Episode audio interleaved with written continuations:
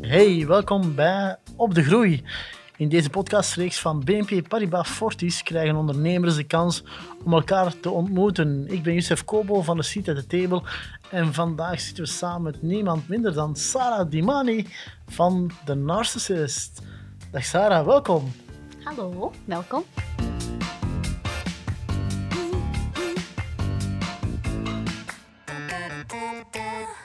Ja, ik ken Sarah Dimani natuurlijk al een tijdje. Hè, als grafische ontwerpster, designer en redacteur bij onder meer Charlie Magazine en Wanna Work. Uh, bekend ook van haar Instagram-platform, waar ze heel wat volgers heeft. En uh, uh, vooral op modest fashion inzetten, bescheiden kledij. En nu zit ze hier vandaag met haar nieuwste platform, met haar nieuwste avontuur, The Narcissist. Een platform waarmee ze wilt inzetten op body positivity, inclusiviteit en racisme. En eigenlijk over allerlei boeiende maatschappelijke zaken awareness uh, wilt raisen, hè, zeg maar. Waar, zo, zo geloof ik, je als ultieme doel hebt uh, self-love en self-acceptance te stimuleren. Welkom, Sarah Dimani. Dag Youssef, alles goed? Dag Sarah, hoe is het leven? Leven is goed, hoe is uw leven? Druk, hectisch. Geen flauw idee dat ik aan het doen ben. Niks nieuws, niks nieuws. Ik amuseer me. Dat is het belangrijkste. Wat spook je nog uit de uh, afgelopen tijd? Uh, veel werken, maar meer behind the scenes. Uh, zoals de meeste, hopelijk, de meeste mensen weten, ben ik een nieuw verhaal begonnen. Dus, uh, de narcissist. Ja, inderdaad. dus ja, ik heb na acht jaar besloten om te stoppen met mijn influencer life. Uh, het was leuk, het was plezant, maar uh, ik ben uitgekeken. En dan ben ik inderdaad begonnen met de, de Narcissist. En uh, het is eigenlijk een online platform, maar ook een offline platform. met alles wat wij ons mee kunnen bezighouden. Dus elke gedachte die een vrouw in haar hoofd heeft, dat kan gaan van politieke gedachten tot over lichaamshaar of over mental health. Alles wat ons boeit, wordt eigenlijk besproken. En uh, ik heb gemerkt dat, uh, dat, er tegenwoordig geen platformen meer zijn die zich daarmee bezighouden. Vroeger had je nog wel MySpace, waar mensen hun uh, mening konden verkondigen. Maar tegenwoordig is dat enkel visueel. Dus ik wou daar eigenlijk op inspringen en eigenlijk een platform creëren waar jij je ei kwijt kunt. Top, geweldig. Ja. Sounds very promising. We hadden er nog, ik denk, een goed half jaar geleden over. Hè? Ja, inderdaad. Vlak voor de lockdown waren we nog zo aan het pingpongen over uh, toekomstplannen en ideeën. Ja. Nu, je hebt het net zelf verteld natuurlijk, zeven, acht maanden, uh, zeven, acht jaar het influencer life, zeg maar. Ja. Maar kan, kan, je dat vertalen voor mij? Van, ja, ik heb wat vrienden die influencer zijn. Ja. Uh, wat, betekent, wat betekent dat in mijn hoofd, in mijn beperkte kennis, is natuurlijk van... Uh, rond bepaalde thema's werken. Is dat nu, is dat nu fashion, retail, ja. digital uh, marketing, wat dan ook. Young Creatives met duizenden één dingen bezig. Mm -hmm. um, en dan heb je heel veel jonge aanhangers die mee volgen. Of wat, wat doen jullie allemaal? Uh, ik zou zeggen, bij mij ik ben uh, vooral actief geweest op vlak van mode. Uh, ik zal zeggen, het is een uitgelopen hobby. Dus het was nooit mijn intentie om een blogger te worden. Want back in the days... Hoe ben jij begonnen? Vertel eens, waar, ja, waar is dat ooit begonnen? Het is, uh, ik studeerde toen aan Sint-Lucas Antwerpen. En dat is een heel kunstzinnige school. En ik kwam van een uniformschool. Dus je kunt je inbeelden dat mijn kleerkast onbestaand was. Ik droeg gewoon kleren van mijn zussen. En ja, toen kwam ik op een, uh, een, school terecht waar iedereen een super extraverte karakter of een stijl had. En dan was dat Plain Jane. En ik dacht, ja, daar gaan we hier niet doen. Uh, dus ik heb eigenlijk mode gebruikt uh, als een tool om mijzelf te ontwikkelen. En ja, toen was ik heel careless en ik postte gewoon alles op Instagram.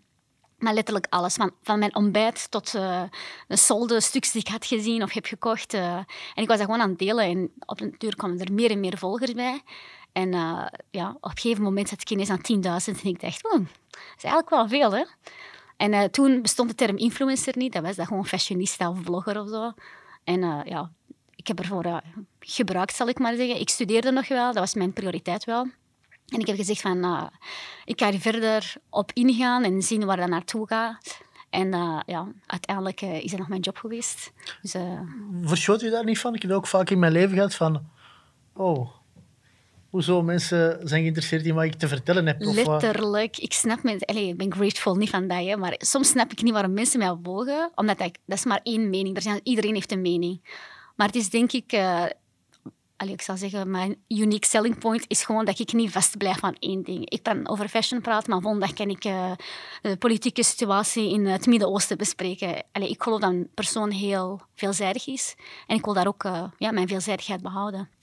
Dus uh, ik denk dat de mensen dat ergens wel leuk vinden om de verschillende kanten van mij te, ja, te zien of te volgen.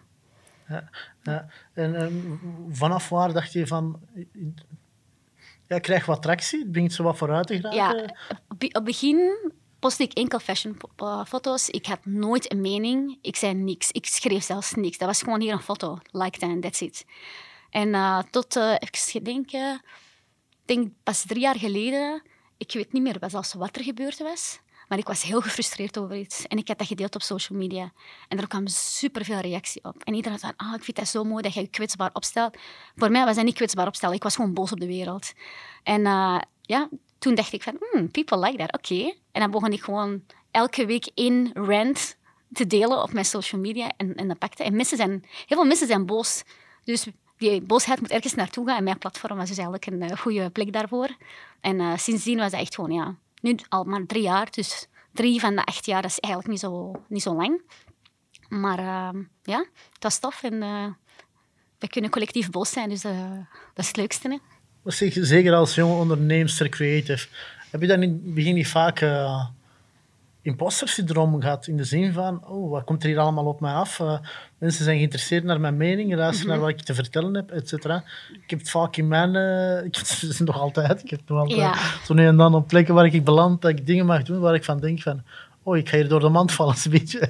Het, Hoor ik hier wel. Ja, het ding is... Uh, voordat ik alles doe, voordat ik een campagne start of een podcast start, ik zeg altijd van je gaat mij zien in de meest authentieke vorm. Dus ik ga niet doen alsof. Uh, mijn leven is niet impressive. Ik ben niet rijk. Uh, social media heeft mij nog niet rijk gemaakt. Uh, ik, ben nog steeds met, allez, ik woon nog steeds met mijn ouders, dus je kunt al de situatie inschatten.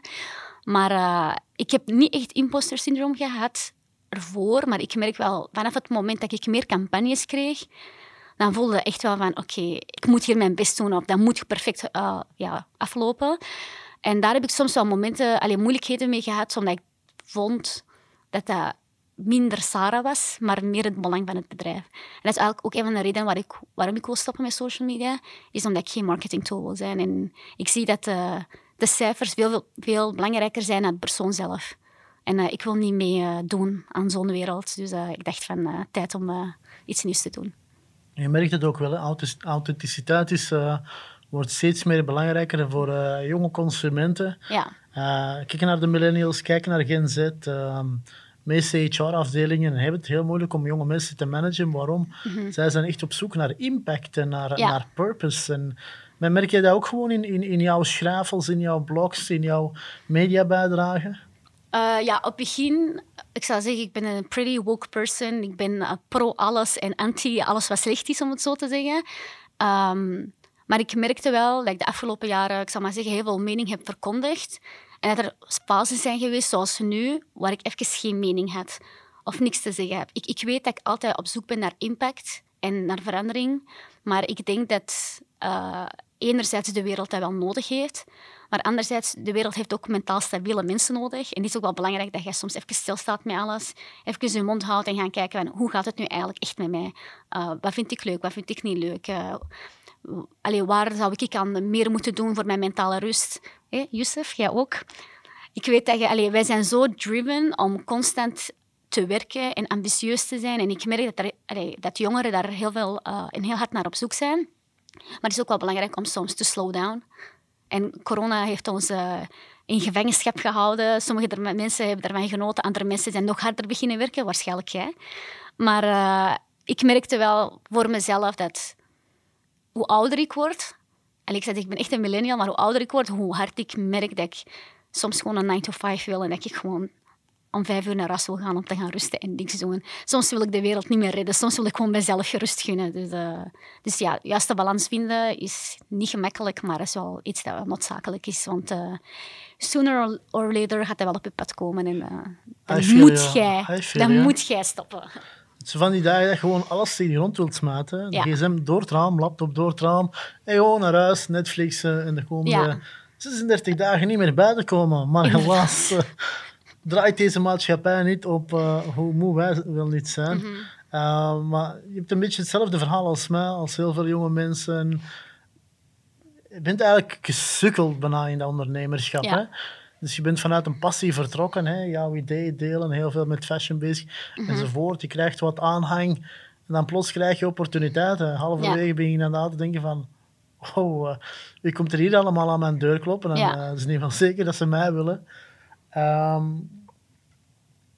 gaandeweg, en het is de discussie die we vorige keer hadden, eh, dingen gaan vooruit, de opportuniteiten worden mooier, meer en meer mensen komen eh, vragen om samen te werken, et cetera.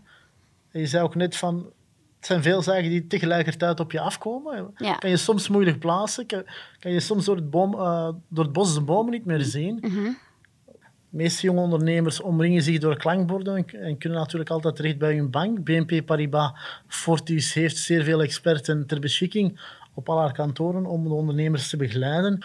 Wat, wat denk jij dat de meeste jonge mensen, en er zijn er wel wat rondom ons, die sukkelen zeg maar, in het ondernemen. Ja.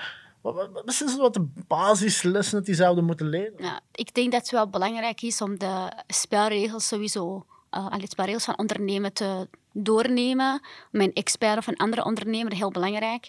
Maar ik denk dat het ook heel belangrijk is om je eigen ding te doen. Uh, de meeste mensen beginnen met een businessplan. Ik heb dat niet gedaan. Voor mijn nieuwe project heb ik dat ook niet gedaan.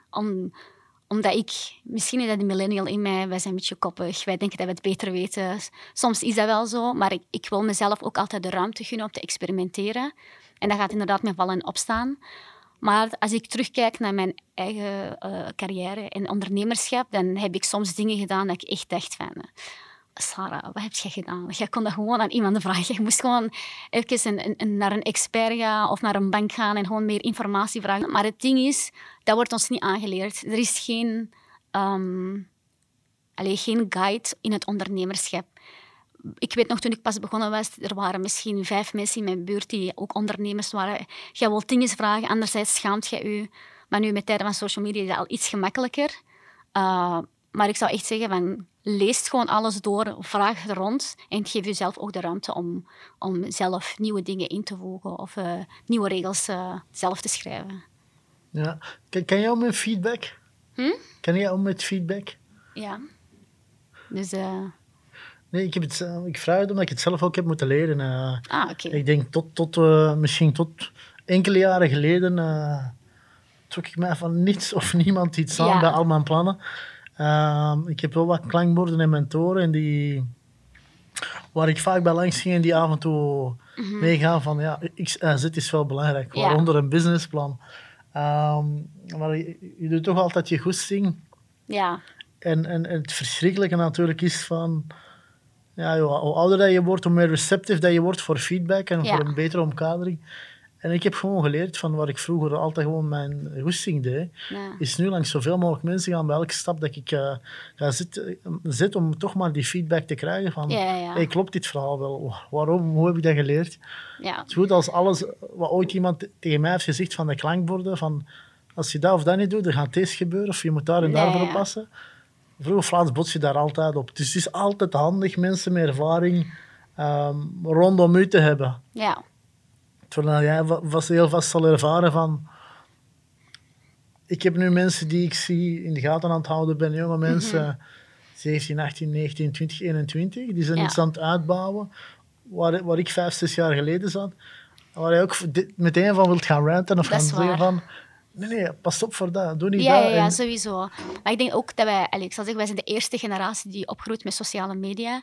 Ehm, ik heb heel veel marketingboeken gelezen of die self-help boeken. Ik doe dat heel graag. Maar soms lees ik dingen dat ik echt denk van... Not in today's society. Dat kun je niet meer doen. Of dat werkt niet meer. En ik merk ook gewoon dat er nu veel meer nieuwe regels zijn die nog niet besproken zijn geweest of geschreven zijn geweest. Dus ik vind het ook altijd wel heel spannend om te zien uh, naar andere ondernemers hoe ze omgaan met vernieuwingen. Uh, zeker nu met de lockdown die gepasseerd is en misschien gaan we terug een, een nieuwe lockdown tegemoet. Dan vraagt dat mensen ook wel om creatiever te zijn en misschien nieuwe marketingtools te beginnen of misschien nieuwe lessen uh, te concluderen of nieuwe dingen te experimenteren. Dus dat vind ik ook altijd wel interessant om te weten en bij te leren. Maar ik, ik, ik, hou, allez, ik luister wel naar feedback of ik ga wel feedback vragen. Maar op dat vlak ben ik soms ook wel heel eigenzinnig dat ik echt denk, dat is social media, jij weet er niks van. I mean, like, that's, is de struggle van mijn generatie. Als je naar mijn ondernemer gaat die 60 jaar is, hij gaat je heel veel bijleren. Maar op vlak van social media, mm, ik denk het niet. Dus uh, ja, misschien dat wij nu de eerste generatie zijn en binnen 50 jaar dat er inderdaad wel iemand langskomt die zegt van uh, ik wil op uh, social media ranten en dan kan ik zeggen waar, waar hij wel of niet moet doen. Nee, maar daar heb je wel gelijk in. Hè. Dus uh, de basics of business die zijn al 100 jaar de same, maar mhm. natuurlijk de laatste nieuwe evoluties, die digitalisering, de social media, daar zijn natuurlijk geen peers die ons kunnen komen vertellen van zo en zo, dit en dat dat lijkt me zelf wel een heel interessant, dat we eigenlijk, wij, de jonge generatie, ja. ahead of the curve zijn. Als, als je gaat kijken naar uh, de grotere bedrijven, wie zijn het daar die, uh, laten we zeggen, uh, digital marketing komen uitleggen, et cetera. Mm de grotere spelers, dat zijn onze leeftijdsgenoten. Tuurlijk. En ik denk dat er ook een verschil is in, op vlak van ondernemerschap in België en ondernemerschap uh, internationaal, als ik spreek over Amerika of de UK. Tell me, tell me, wat is het verschil? Wij denken echt klein. Ik vind dat heel erg. Allee, Antwerpen, allee, ik bedoel België, maar je ziet hoe Antwerps denk ik ben. België is al uh, een heel klein land. En soms denk ik echt van, er zijn zo concepten die al in het buitenland werken en wij komen er pas tien jaar later mee, mee af. Wij zijn op dat vlak, vind ik, dat wij soms heel leven onder een steen. Soms denk ik dat echt. En als je inderdaad met een nieuw concept afkomt, uh, ook bijvoorbeeld de Narcis. Ik wil ook samenwerken met bedrijven en mensen van, ja, wat, wat betekent jij voor ons? Wat kun je ons aanbieden? En dan denk ik van, oké, we gaan terug beginnen zoals mijn social media verhaal back then. Toen waren bedrijven ook niet warm om te werken met influencers. En nu heb je influencer marketing. Wie had dat tien jaar geleden gedacht dat dat ooit zou bestaan? Dus dat vind ik zo wel uh, jammer, dat bij ons alles veel trager gaat en dat wij misschien niet altijd openstaan voor nieuwe concepten. Um, ja, maar ja. Dat is toch ook een van de beweegredenen, beweegredenen van heel veel jonge ondernemers. Van hey, het gaat hier veel te traag en uh, ik heb hier nu toch wel de know-how, de expertise. Ik ga hier uh, een sprong maken. Mm -hmm. herken, je, herken je dat in jouw eigen verhaal, de narcissist bijvoorbeeld? Ja, ik, ik had vroeger um, vroeger, toen ik, ja, vroeger, toen ik influencer was, had ik altijd... Allee, mensen zeiden altijd van, ah je hebt zoveel volgers, je hebt echt een serieuze aanhang, je moet er een business uitslaan, uh, start een winkel, doe iets. Ik dacht altijd van, ik kan dat doen, maar wil ik dat? Eén, twee, wat zijn mijn redenen? Wil ik dat omdat ik mensen wil helpen? Of wil ik dat doen omdat dat eigenlijk de perfecte opportunity is om geld te verdienen? Ik heb, dat, ik heb heel vaak gedacht dat ik het ging doen, maar dat waren altijd bestaande concepten. En dat was mijn issue van waarom ga ik nog een winkel openen? Waarom ga ik nog meer uh, kleren op de wereld brengen? Of waarom ga ik nog meer... En dan dacht ik van ja, ik was eigenlijk echt op zoek naar iets anders en iets nieuws. En de Narcissist is eigenlijk de eerste sprong in het diepe dat ik ga nemen. Want uh, ik stop ook met mijn persoonlijke Instagram. Dat is mijn grootste platform, mijn bron van inkomen. En uh, ik ga nu veel kleiner beginnen. En ik weet dat ik er misschien niet direct rijk van ga worden, maar ik geloof wel heel hard in mijn eigen concept. En ik denk ook gewoon van, wait for me België, I'm coming for you. Like, geef, geef mij een jaar of twee en dan zullen er andere ideeën uitkomen die soortgelijk zijn. Ben je een narcist? Vertel eens die, uh, uh, die naam. Van een bek. ja. Nee, ik geloof in healthy narcissism. Dat is een gezonde dosis zelfliefde. De maatschappij van vandaag is uh, heel judgmental zeker met social media, heel veel mensen zijn meer onzeker, heel veel mensen plegen zelfmoord. Er is zoveel gaande, uh, waar ik soms gewoon dacht van... Maar, vroeger hielden mensen meer van hunzelf dan mensen nu van zichzelf houden. En inderdaad, omdat er meer concurrentie is, de wereld is meer visueel. Uh, we hebben een enorme drang om dingen te vergelijken. En uh, daar is dus ja, het mijn idee gekomen van rond zelfliefde. Ik heb de research rond gedaan. Iemand heeft mij een narcist genoemd. I felt hurt. Ik moest dat gaan opzoeken om te zien dat de definitie in mijn hoofd matchte met wat hij bedoelde. Maar ik kwam terecht op uh, healthy narcissism. En dat is gewoon een gezonde dosis. En dat heb ik wel. Met momenten. Sommige momenten niet, maar meestal wel. Uh, maar ik, uh, narcist, niet echt, maar soms komt dat wel naar boven. Nee, Bent jij erin? ik ben, moment, ik ben bij momenten zeker... ik krijg vaak het, ver, het verwijt dat ik iets te veel zelfvertrouwen heb. Maar het is een hele delicate. Ik probeer op de naam te komen. Er is een geweldig boek. Uh, niet Jim Collins, Ego is the Enemy. Ik ga nog op de naam mhm. komen. En uh, hij heeft het over, het over het gevaar van ego. Oké. En ik merk ook in mijn ondernemersbestaan mm dat ego de belangrijkste drijver is. Ja. Zowel van de successen, maar ook als van mijn fouten. Ah ja. Dus ik duw altijd door met alle projecten, alle ideeën. Ik vind het altijd ietsje te groot. En eh, ik leg wat veel druk op de mensen waar ik mee werk. Ja. En ehm, heel veel van de zaken die ik creëer, in begin beginnen mensen te lachen van impossible, dat gaat nooit iets worden. ja. En dan is het daar. En dat is uw drijfveer. hè? Ego. Ja. Ego. De pretentie dat je denkt dingen te kunnen dat de rest niet kan. Ja, Maar langs de andere kant, ehm, als je altijd heel hard zit te lopen, ja. eh, als je probeert door muren te gaan, dan maak je ook heel veel brokken. Mhm. En dus ego is ook iets gevaarlijk. Je kan ook heel veel fouten maken als je alleen maar die, die one-track mind hebt. Ja, ja, ja. Dus het is een beetje um, Muhammad Ali. Ja, een Je- je curse moet- and a blessing. ja, je moet een beetje de balans vinden. Fly like a butterfly, sting like a bee. En die balans is een hele belangrijke. Ja, mooie, dat ik, mooie dat ik enorm gecharmeerd ben door het verhaal van de narcissist. Van, hey, self-love is belangrijk. Ja, Het, tuurlijk. het is belangrijk dat we, dat we onszelf graag zien in een wereld die zo gefilterd is. eh, Op sociale media, iedereen Mm. Plaatst alleen maar de toffe dingen. Iedereen is blijkbaar alleen maar op vakantie, ziet er elke dag geweldig uit. HDR-beelden of wat is het, SLR-camera's om foto's te trekken enzovoort. Nee, dat is waar. Dus je merkt heel vaak, ik, ik, ik, geef, ik geef graag deze voorbeeld eh, om, om, om te tonen van hoe warped wij tegenwoordig wel zijn. Ik heb vorig jaar 22 landen gedaan. Oké. Dat was bijna allemaal professioneel. En ik merkte elke keer dat ik terugkwam, dat ik zat te scrollen op, op, op Instagram, Mhm. dat ik andere vrienden aan het, zag dat in het buitenland waren, ik zo direct zo'n leegte voelde van, ah, waarom zie ik da- daar niet?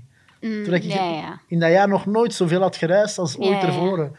Dus sociale media toe echt wel iets met een ons... bepaalde FOMO, om het te zeggen. Dus het was al gepasseerd, maar hij gaat FOMO. Absoluut. Dat is crazy, hè? Dat is echt crazy. Dat is waar. Dus ik sociale eh, media zijn iets gevaarlijk en dat vind, ik- daar vind ik uw werk zo belangrijk van. Hey guys, chill. This is not real life. Ja, Let's take a more balanced approach.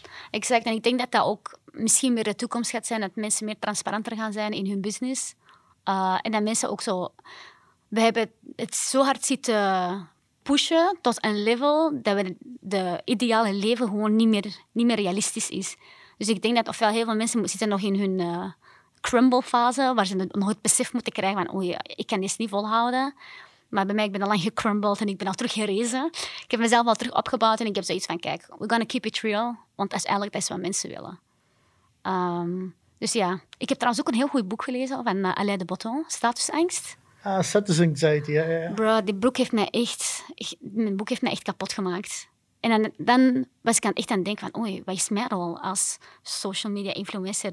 Heb ik ook een bepaalde status? Heb ik ook angst om niet te verliezen? Of wat is mijn, hoe wil ik dat mensen naar mij kijken? Dus het is een heel goed boek trouwens. Dus eh, ja, ik ja. zat eh, in hetzelfde vibe als u. Ik heb hem ook ergens liggen en het gaat er ook om eh, dat we onze zelfwaarde heel hard trekken van, Ja, van de titel dat we hebben, de auto dat we hebben, het huis dat we hebben. ja, de bling bling, et cetera. Een heel boeiend onderzoek dat hij citeert in dat boek, denk ik. Uh, in de VS managers gemiddeld graag een, een, een paycut van, ik weet niet meer wat was, 20.000 of 5.000 dollar op een jaar zouden nemen als ze maar een mooiere titel zouden kunnen hebben. Hè, dus de wildgroei van de C-suite namen. ja. En dat is, dat is een fascinerend, hè? dus dat we onze zelfwaarde hebben, aantal likes, aantal Ja. volgers, eh, de titel dat we hebben, waarin dat we verschenen zijn enzovoort. Ook allemaal zaken waar ik zelf enorm Ja. vatbaar voor ben. Het is zo'n een hele rare situatie. Ja, het is eh, heel... eh, als je erover nadenkt, is het inderdaad wel heel raar. Want ik had ook zo een moment... eh, ik ging elk jaar naar Mexico. En elke keer als ik in Mexico was, heb ik altijd gezegd... Ik ga zo weinig mogelijk posten. En dan had ik inderdaad daarna van... Oh, ik heb allemaal niet gepost, maar ik heb echt een zotte reis achter de rug. Maar ja, ik heb wel foto's getrokken met mijn gsm, maar het staat gewoon in mijn filmrol. En toen dacht ik echt... Sarah, voor wie doe ik het? Voor jezelf. Je hebt genoten van je vakantie, dat is het belangrijkste. Dus ik denk dat dat inderdaad ook als ondernemer heel vaak zelf eh, vragen aan jezelf stellen en gewoon een goede reflectie hebben. Waarom doe ik dit of waarom maak ik die keuze? In the moment. En, Ja. en vind jij dat, dat in, in het huidige medialandschap ehm, te weinig plaats is of te weinig aandacht voor de thema's waar jij mee bezig bent? Uh, sowieso, dat is de reden waarom ik gestart ben. Ik Als je ben, kijkt eh, naar al die glossies, en uiteraard ik ben er zeker geen expert in, Ja, Uh, maar dan zijn het toch ook altijd, uh, de wereld is geweldig. En, uh, inderdaad. Maar als je tegenwoordig een magazine uh, in je handen neemt, bekend 70% is reclame. En enerzijds snap ik dat wel, omdat de magazine, een printmagazine moet overleven en die halen geld uit sponsorships en reclame. Ik begrijp dat. Maar anderzijds vraag ik me, waarom zijn je dan begonnen met het concept van een magazine? Dus eigenlijk, als je nu een magazine gaat kopen, koopt je mooie beelden met advertisement. Je koopt een reclame, precies dat je de al die magazines zal kopen. Dat is heel absurd als je erover nadenkt. Um, en daarmee dat ik uh, de Narcissist wou ik een open platform starten, uh, waar iedereen op kan komen, gratis. Uh, en dat ze gewoon mensen kunnen komen en praten en dingen leren. En vooral kennis van elkaar kunnen opdoen. Ik hoef geen expert in iets te hebben om te uitleggen wat ik moet doen. Ik vind soms dat de meest waardevolle lessen bij de gewone mens ligt. Jij kunt een, naar een uh, expert gaan, iemand, een expert van motherhood, die gaat uitleggen wat mama zijn is. Maar een echte mama zal u wel vertellen wat mama zijn is. Dus en ik denk dat heel veel vrouwen met zoveel kennis zitten of heel veel ervaringen zitten, dat ze gerust willen delen met de wereld, maar dat er gewoon geen platform voor is.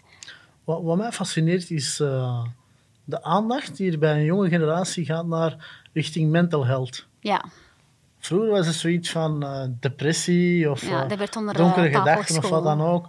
Vooral met niemand delen, houd voor je eigen. En je moet er beschaamd om zijn, het is een taboe.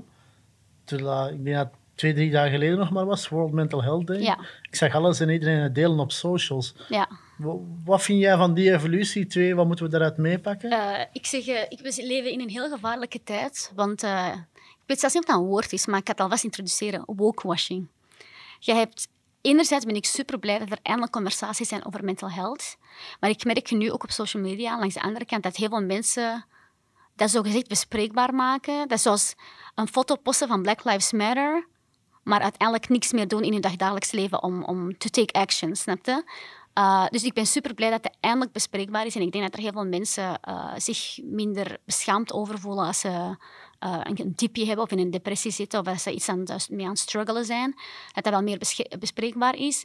Maar wat ik merk is dat dat heel vaak posts zijn. Zo, vijf tips om je uit je dip te geraken. Ja, die vijf tips gaan niet werken, vriendin. of zo van, today is World Mental Health Day. share this image. En dan kun je zien dat het allemaal oké is. Maar wat mij omgaat is maar waar moet ik die conversatie hebben? Met wie moet ik die conversatie hebben? Hoe gaan we dat normaliseren als we gewoon een post reposten? Een post reposten is geen actie ondernemen. Je maakt het bespreekbaar. Nee, je haalt het aan, maar je maakt het niet bespreekbaar.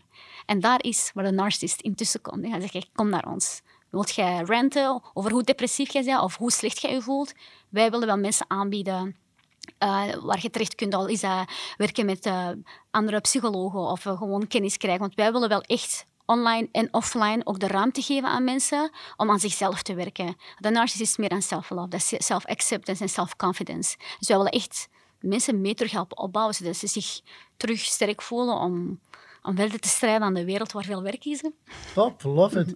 en uh, ja, natuurlijk, uh, ik kan me er niet bij inbeelden. Hè. Dus uh, via jouw socials krijg je wellicht heel veel vragen. Ja. via de DM's heel vaak nuttige, zinvolle vragen.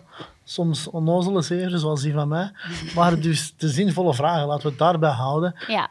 Um, wat, vragen jonge mensen aan jou? Wat, komen ze bij jou zoeken? Uh, eerlijk gezegd, mensen zijn op zoek naar een vriendin.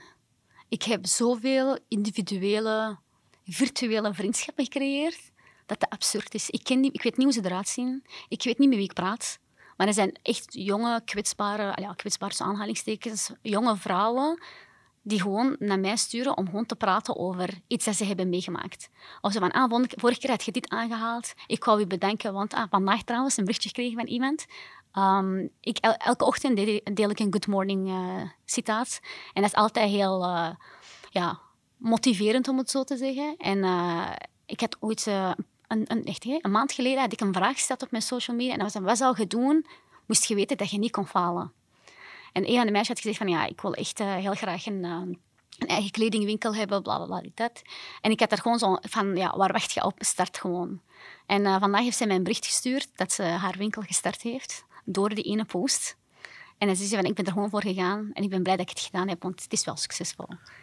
En dan denk ik echt van, damn dat vind ik wel, dat je, dat je, daar die trigger bent, dat je daar die push geeft. Uh, ik, ik, zie het zelf ook bij een Seat at the Table. We struikelen over het jong talent. Er is ongelooflijk potentieel, ongelooflijk veel potentieel. Maar je hebt altijd iemand nodig die iets meer jaren op de teller heeft of een bepaald inzicht heeft om dingen in, iemand, in u te zien. Ja. Als ik vroeger mensen had die tegen mij zeiden van jij moet zo en zo, jij moet dit en dat doen. En je gaat ooit deze en dit. Waar ik toen van dacht van, ah, gemakkelijk spreken voor u. Ja, hè, ja, maar, ja. Ehm, en ik, ik maak nu, ik vind dat, ik vind, ik vind dat grappig, eh, dat ik nu zelf die positie heb, wat ik bij heel veel jonge mensen eh, kan pushen, wil pushen, et Ja. cetera. En je ziet gewoon heel veel jonge mensen met heel veel creativiteit, heel veel ideeën, ja. drive, energie, et cetera. En het is ook ten dele hier het verhaal van die podcast natuurlijk, een hele reeks eh, eh, jonge ondernemers. Nu, wat, wat, wat, hoe kunnen wij, en ik weet dat we in, in België een van de laagste scoren van alle Europese landen op zin voor ondernemerschap. Mhm. Ik ken kenniseconomie, heel wat jong talent, hoogopgeleid volk. We hebben zoveel troeven, maar tegelijkertijd zijn we heel voorzichtig, hebben heel veel schrik om die stap te zetten. ja.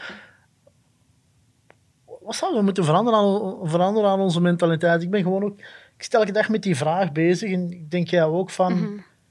Verdomme, hier is zoveel talent, hier zit zoveel in. ja.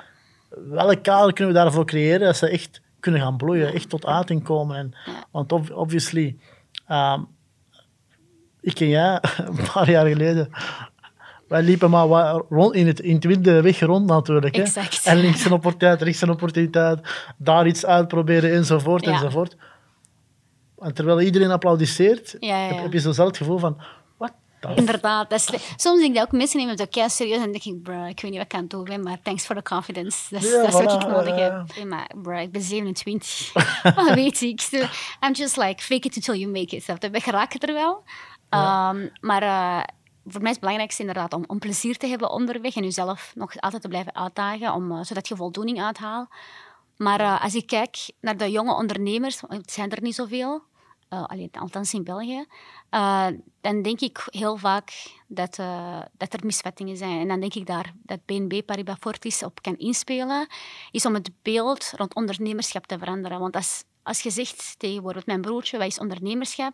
Die gaat je een corporate man uitleggen. Ja, een man eh, met een actetassen, kostuum, een saai bedrijf. Dat is wat ze meestal zeggen. Maar er staat ook zoiets als sociaal ondernemen. En dat denk ik daar wel, dat millennials wel interessant eh, zouden vinden. Dat is eigenlijk gewoon ja, ethisch ondernemen met een echt specifieke doel eh, om de wereld ook een betere plek te maken. En er zijn verschillende soorten van ondernemerschap dat nog niet besproken is geweest. En ik denk als ze die verscheidenheid zien, dat ze denken van, ah ja, oké, daar kan ik mijn ding wel vinden. Of ja, je kunt de, beter, de wereld een betere plek maken en geld verdienen en een business hebben en status hebben, om het zo te zeggen. Snap je? Jij kunt je er wel in zetten. Maar ik denk dat er nog gewoon heel veel onwetendheid is. En dat er nog maar één beeld van ondernemerschap naar voren wordt geschoven. En inderdaad, eh, je het ook hier in Vlaanderen en in België. We hebben een van de laagste graden wat betreft eh, ondernemerschap. Het aantal mensen dat eh, aangeeft vroeg of laat een eigen zaak wil te starten. Ik en jij, we botsen elke dag op dat jong talent met drive energie. Die zelf nog niet door heeft van, ah ja, ik kan hier wel wat meer met mijn uh, tools. De meesten zijn ongelukkig in de, in de Ja. situatie waar dat ze zich bevinden. Willen iets meer creatief, iets met purpose of rond dit of Ja. of zo'n thema. Ehm, wat denk jij, welk kader kunnen we daar creëren voor hun? Voor mensen die hun weg aan het zoeken zijn, maar zelf nog niet talenten, eh, hun eigen talenten erkennen, herkennen. Ja. En twee, wat kan een, wat- kan een bank zoals BNP Paribas Fortis eh, voor, hun, eh, voor hun doen? Is dat eh, de kennisschalen, informatiecampagnes, ze betrekken in allerlei activiteiten? Wat, wat kan dat zijn volgens jou? Ja, ik denk dat het ook belangrijk is, voordat je gaat ondernemen, dat je... Staat niet op in de ochtend en je zegt, vandaag word ik eh onderneemster, vandaag ga ik eh, koeken verkopen. Als je geen noodkoeken hebt gebakken. Eh, dus ik denk dat het belangrijk is dat iedereen voor zijn eigen, zoals wij gedaan hebben voor jarenlang, een experimentele fase. Eh, wou, ik designer worden? Wou ik influencer worden? Wou ik een eigen lijn hebben? Wou ik import en export doen in fashion? Er waren zoveel possibilities, zal ik maar zeggen. Maar ik heb ook alles proberen... ik heb voor alles een beetje research gedaan. Of proberen te doen. Ik wou fotograaf worden. Ik wou grafisch ontwerper worden. Ik heb zoveel interesses gehad. Maar ik heb ze ook allemaal één per één uitgetest. Uh, en sommige heb ik voor een jaar gedaan, andere voor zes maanden en voor een maand. Maar je voelt aan wanneer iets uw ding is of niet uw ding. En anderzijds denk ik ook gewoon, bijvoorbeeld waar uh, BNB Paribas Fortis in kan komen, is inderdaad één campagnes eh, starten waar ze verschillende soorten ondernemers vinden. En ook twee, ik denk ook misschien heel veel struikelblok voor ondernemers, kapitaal. Dat mensen niet weten hoe ze aan kapitaal moeten komen. Of dat ze niet weten dat van, ah, je kunt enkel grote leningen aangaan bij een bank, terwijl microleningen ook bestaat. Er zijn zoveel dingen die nog niet geweten zijn bij de modale Vlaming, zal ik maar zeggen. En ik denk dat door die informatie meer naar voren te schuiven, dat dat wel al een verschil zal maken. Ja, ik denk ik ook wel dat het belangrijk is. De verschillende vormen van ondersteuning die je kan, uh, kan krijgen als je gaat beginnen ondernemen. Mhm. Zeker voor jongere ondernemers die vaak niet in zicht hebben van oké, wat, kunnen, wat, kunnen we nu gaan doen in de nabije toekomst. Mhm. Dus dat lijkt me ook een heel interessant, dat men daar de deuren opengooit en uh, ja, het jong talent uh, wat betrekt. Ja. Maar hoe dat het eruit ziet, is ook een grote vraag. Ga, ga, je, ga je prediken bij scholen, op universiteiten, eh, universiteiten op middenveldsorganisaties, wat dan ook? Ik denk dat... Ik denk dat iedereen op zijn eigen manier moet. Bijvoorbeeld, ik ben geboeid geweest door ondernemerschap door boeken te lezen. Dat, is, dat was mijn tool. Of gewoon het internet. Zit je in, uh, of podcasts, zoals bijvoorbeeld uh, andere podcasts van, ik zeg maar, dus Girlboss. Elke keer tonen ze een onderneemster die van nul gestart is. En ik praat niet over privileged people die al een rijke papa hadden en een hele volle bank, maar echt mensen die start from scratch. En dat was voor mij van, als zij dat kan, waarom zou ik dat niet kunnen? En ik denk dat die mentaliteit nog, of zulke verhalen nog meer naar voren moeten komen. Dat ik van, ja, ben gestart van niks. Ja, ik zat op school, uh, bij mij was er ook niks. Ik heb nooit, dat, allez, ik heb nooit geweten dat ik hier zou belanden. Dus ergens go with the flow. Maar anderzijds van ook, ook doe, allez, als je iets wilt, als je iets wilt manifesten bijvoorbeeld, dat je een onderneming of een onderneemster gaat worden, dan moet je ook weten dat je werk uh, erin moet steken. Dat komt, dat komt niet op je schoot. Jij, een seer de table is niet op je schoot gekomen en je, al die connecties die je afgelopen jaar hebt gebouwd, ja, het is niet vanzelf gekomen. Je hebt ervoor gewerkt. En naar events gaan, uh, mensen, mensen koffietjes gaan drinken. Je, Weinig veel lijden. Ja, allee, dat, is, uh, dat is echt niet gemakkelijk. En als je iets wilt ondernemen, dan you, put, you need to put your mind and heart into it. You need to put your mind and heart into it. De narcissist. Ja. Don't shoot me. Maar ja. vooral focus op vrouwen? Ja, waarom? Of... Waarom? Tel eens. Ja, moet, uh, waarom? Omdat er zoveel al male-dominated is. Sorry, maar ik heb een safe space nodig voor mezelf, als vrouw zijnde.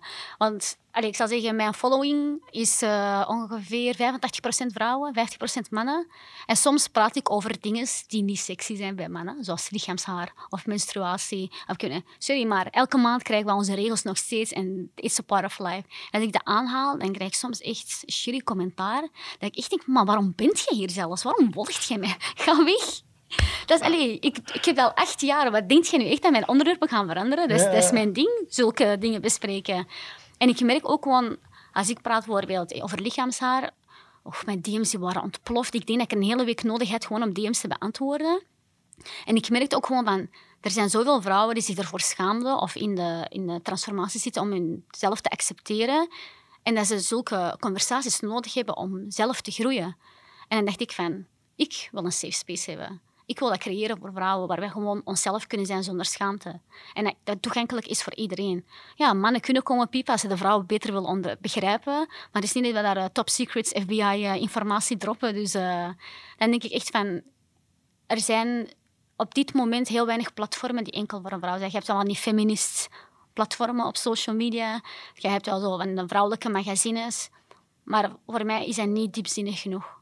En ik wil aan mensen de, de, de platform zijn die hun een, een hand toereikt van kom naar hier, je kunt er rustig over praten. Maar anderzijds van wat je zegt blijft ook tussen ons. En daar bijvoorbeeld spreek de offline evenementen. Als corona er niet was, waren er al, maar bon. De offline evenementen is echt een get-together van vrouwen um, die over dingen kunnen praten. En ik heb dat al één keer gedaan, ik denk twee jaar geleden. Dat was mijn eerste test. Uh, op mijn verjaardag heb ik random 30 vrouwen uitgenodigd van mijn Instagram die ik Sommige kende ik, sommige kende ik niet. En we hebben daar echt letterlijk bekend tot drie uur s'nachts samen gezeten. Uh, we hebben samen gegeten, we hebben samen gelachen, gehaald, uh, dingen besproken. En toen ik dat zag, dacht ik echt van, ja, mensen hebben dat nodig. Er is no sense of community in deze tijd. En dat wil ik terug wel implementeren. Kan je ons al vertellen hoe ver je in de opstart zit van de narcissist en uh, wat de grote dromen zijn, hè, de lange termijn plannen. Werelddominantie natuurlijk. Of course. Dus uh, ja, mijn goal was eigenlijk uh, eerst om dingen online te houden. En dan dacht ik, online en offline. En toen dacht ik van, ja, ik ga dat niet eeuwig doen. Dus ik wou ook een podcast starten. Maar ja, toen was dat ineens een hype. Iedereen had podcast. Dus ik dacht, misschien wachten. Maar mijn goal is echt om een media company te hebben. Puur gericht voor vrouwen en, en jongvolwassen, uh, jongvolwassen vrouwen en meisjes. Dat is echt wel mijn ultimate goal. En dat we ook gewoon een, een, een platform op zichzelf zijn. Dat we niet meer uh, naar tv moeten kijken, naar klassieke media om daar informatie te halen, maar dat je dat gewoon zelf kunt opzoeken. En er is een heel platform die dat aanbiedt. Uh, dus ja, ik hoop ooit ook om een uh, YouTube-channel te hebben, om een podcast te hebben. Ik wil gewoon van alle markten thuis zijn. Maar het moet uiteindelijk ook wel uh, passen binnen, binnen het verhaal. Spotify, YouTube, Instagram, Snapchat. Exact, exact. Printmedia, tv, ja. satellietreeks. Ja, en ooit misschien een eigen soort van talkshow. Dat zou wel tof zijn. In Amerika heb je dat, van die morning talkshows. Absoluut. We hebben dat niet. Ik weet niet waarom we dat we niet hebben. Veel niet. We hebben veel niet. Echt maar... shame. Ik zou echt elke dag kijken. En wat zou de naam worden van uw uh, talkshow? De Narcissist. De Narcissist. De Narcissist. Alles blijft de Narcissist. Ik ga dat zo hard branden, dat als iemand ooit gewoon Narcissist zegt, dat hij direct aan mij moet denken. De Narcissist met Sarah Dimane. Exact. Belangrijk, uh, ja. Ja, om even terug te komen op, uh, op, op fashion. Mm -hmm. Ja, heel het retail gebeuren zit wereldwijd uh, uh, met de handen in het haar. Waarom? Um, fast fashion ja. staat zeer zwaar onder druk. En al, al de grote spelers gaan plots de oefening te maken van hoe lang kunnen we dit verhaal nog rekken. Ja. En ten dele, een deel van dat verhaal is, waarom krijgen ze het zo moeilijk? Mensen zoals jij natuurlijk, die kanttekeningen maken bij hoe dat hele modegebeuren vandaag Ja. in elkaar zit. Ik geloof dat er een zeer bekend Instagram-kanaal is, uh, Prada Diet. Ah Kan- ja. Is het, is het Ja. die? Elke keer dat die eh, eh, bewegen, eh Mhm. het zendt shockwaves door heel de, heel de wereld. Hè. Dus, Ja. eh, ehm, v- van, waar je, van waar die ethische kijk hè, als fashion liefhebster, wat, wat, wat beweegt jou dat je jouw eigen industrie of de industrie dat je volgt, uh, zoiets hebt van uh, ik ga van deze merk, ik ga wel van dit verhaal, maar uh, Ja. hoe het er nu aan toe gaat, dit is niet duurzaam, van, van waar die ethische kijk? Dat, dat heeft elke meerdere lagen. Enerzijds eh, de influencers zien in het algemeen. Op het begin waren wij gewoon mensen die dingen leuk vonden en we deelden tips gratis met de wereld. Nu komen PR-bedrijven naar ons voor campagnes en hoe leuk dat ook is en hoeveel geld dat ook opbrengt, het geeft een shitty gevoel om te weten dat je een marketingtool bent. En elke persoon die je aanspreekt, is puur met in- bijkomende intenties. Als hey Sarah, dan weet ik dat hij al iets gaat vragen. Dat is, dat, is hetgene waarom ik al enerzijds wil, uh, allee, wil stoppen.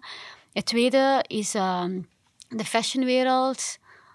ehm, moet ik uitleggen, is heel wit. En als een vrouw van kleur is dat soms heel moeilijk om daarin te groeien. En ik heb geen goesting om stereotypen te barrelen, houden van fashion, een onderneming willen starten. Soms is die strijd even te veel aan. Ik wil ook soms gewoon een gelijke kans zoals iedereen. Uh, het was al heel moeilijk om een erkende, tussen aanhalingstekens, uh, influencer te worden in België omdat er way back toen niet echt veel Marokkaanse influencers waren, laat staan toen met hoofddoek. Uh, dat bestond niet. Maar dat was voor mij, ik heb meer energie gestoken in de strijd dan dat ik kon genieten van mijn influencer-ding. Um, en ook gewoon de fashionwereld, ja, zoals mijn moeder het altijd zegt, mode komt altijd terug. Wat ik vandaag mooi, als ik soms naar mijn kleren kijk, ah, ik heb dat vroeger ook gedraaid, ik heb dat vroeger ook gedraaid. Dat komt altijd terug. Dus voor mij is dat ook gewoon ik heb het gevoel gekregen dat fashion een uitstekende tool was om mij te doen groeien. Maar om de wereld te groeien kan ik niet fashion in iedereen zijn strot stoppen en zeggen van uh, gebruik fashion, maar dat ik andere paden moet uh, afgaan om, om mijn boodschap uh, luider te laten klinken. En dan denk ik dat de narcist daar perfect voor is. En ook gewoon de fashionwereld. Er zijn, het is zowel oppervlakkig als niet oppervlakkig. Het oppervlakkig gedeelte is wat we zien in de fashion weeks, uh, social media, uh, wat we, brands met hun activistische campagne. Dat is allemaal mooi. Maar anderzijds heb ik zoiets van, het kan heel diepzinnig zijn, maar ik denk niet dat mensen klaar zijn daarvoor. Om die diepzinnigheid te begrijpen en daarop dieper in te gaan. Hoe gedraaid of keert, mensen kijken gewoon naar het superficial gedeelte en hebben hun statement al, uh, hun, hun uitleg en judgment al, al klaarstaan. Nee, heb je natuurlijk niet te vrezen dat je daardoor klanten verliest? Ik denk dat elke sector in het ondernemersverhaal wel een moment zal hebben waar er een vorm van crisis gaat zijn. Of dat mensen afhaken of bijkomen. Ehm, dus ja, ik denk dat er die kans bestaat sowieso al. Maar voor mij is het gewoon uh, end of story. Nu even rewind naar uh, vlak voor de lockdown en de lockdown zelf. Waar dat plots alle ondernemers uh, doorhadden van oei, Mhm. ik ben niet digitaal aanwezig, dus ik heb een groot probleem. Had je dat, dan had je plots allerlei ini- initiatieven in de verschillende provincies. Mhm. Die kleine KMO's, bakkers, slagers, ik weet niet wat, retailers, Mhm. eh, kleine winkels hielpen om, eh, om hun business online te plaatsen. Want Ja. ze konden nog altijd zeer slecht in in België. Op de website van BNP Paribas Fortis is er een tool die de digitale maturiteit van eh, ondernemingen meet en aangeeft. Ik Ah, vermoed dat jouw, eh, eh, jouw onderneming, de Narcissist, ja, bijna volledig digitaal is. Mhm. Maar ik wil bij jou even kijken van hoe belangrijk is die digitale aanwezigheid Mhm. voor jou? Uh, wat, wat geeft jou de, de voorsprong en wa- waarom is het zo belangrijk tegenwoordig als ondernemer om, in die, di- om op digital in te zetten? Uh, ik, we are the future, man. Internet is the future. Like, uh, Internet zegt u. ja, schrijf dat Wat op is, allemaal. Je- dat een fysieke winkel hebben is nice, maar ook als je kijkt wie je consumenten zijn. Als dat jongeren zijn, ja, maar sorry, als je online niet aanwezig bent, gaan we bestaan nooit weten. Want wij gaan nu naar buiten een doel, of we gaan naar een winkel, of we gaan naar school, of we gaan naar werken. Maar ik denk dat onze explore, vroeger konden we nog wandelen in de stad en toevallig een winkel tegenkomen. En wel, dat wandelen gebeurt nu gewoon digitaal. Ehm, ik denk dat het wel belangrijk is om daarin te zetten, zeker ook om je markt te vergroten. En vooral ook als je internationaal eh, gaat eh, ondernemen, en is dat een supergrote voorsprong. En eh, ik denk ook gewoon dat het nu belangrijk is, ook als merk, om uw verhaal ook naar buiten te brengen, om uw authenticiteit te claimen, om te zeggen van, ah, ik ben een van de zoveelste winkel die opgestart is geweest. Ehm, dus ik denk sowieso dat dat heel belangrijk is en dat dat je sales sowieso omhoog kan krijgen. Ehm, in plaats van heel dag in de winkel te staan en te, en te hopen dat iemand naar binnen komt. Eh, vroeger moesten mensen naar u komen, nu moet je naar de mensen komen. Flip the funnel. Jeps. Stel nu dat na het bekijken van deze podcast eh, heel wat jonge ondernemers eh, hun weg naar jou zouden vinden. Ja. Welke tips zou je hem geven om, om hun zaak te starten? Ehm, er zijn zoveel tips, maar het belangrijkste tip is: start enkel een zaak als je er voldoening uit haalt. Dat is het belangrijkste, want als je passie en je voldoening er niet is, dan heeft je zaak geen ziel. En ik denk dat dat, hetgene is wat je elke dag uit bed haalt en wat mij uit bed haalt. Om te zeggen van, oké, new day, new opportunities. We gaan zien wat we vandaag kunnen krijgen. We gaan zien wat mij vandaag, welke deal ik vandaag kan sluiten dat mijn bedrijf omhoog doet gaan. Dus ik denk dat dat de kick is waar wij eh, op azen. Got it, perfect. Dankjewel, Sara Dimani Dankjewel, van de. Narcissist.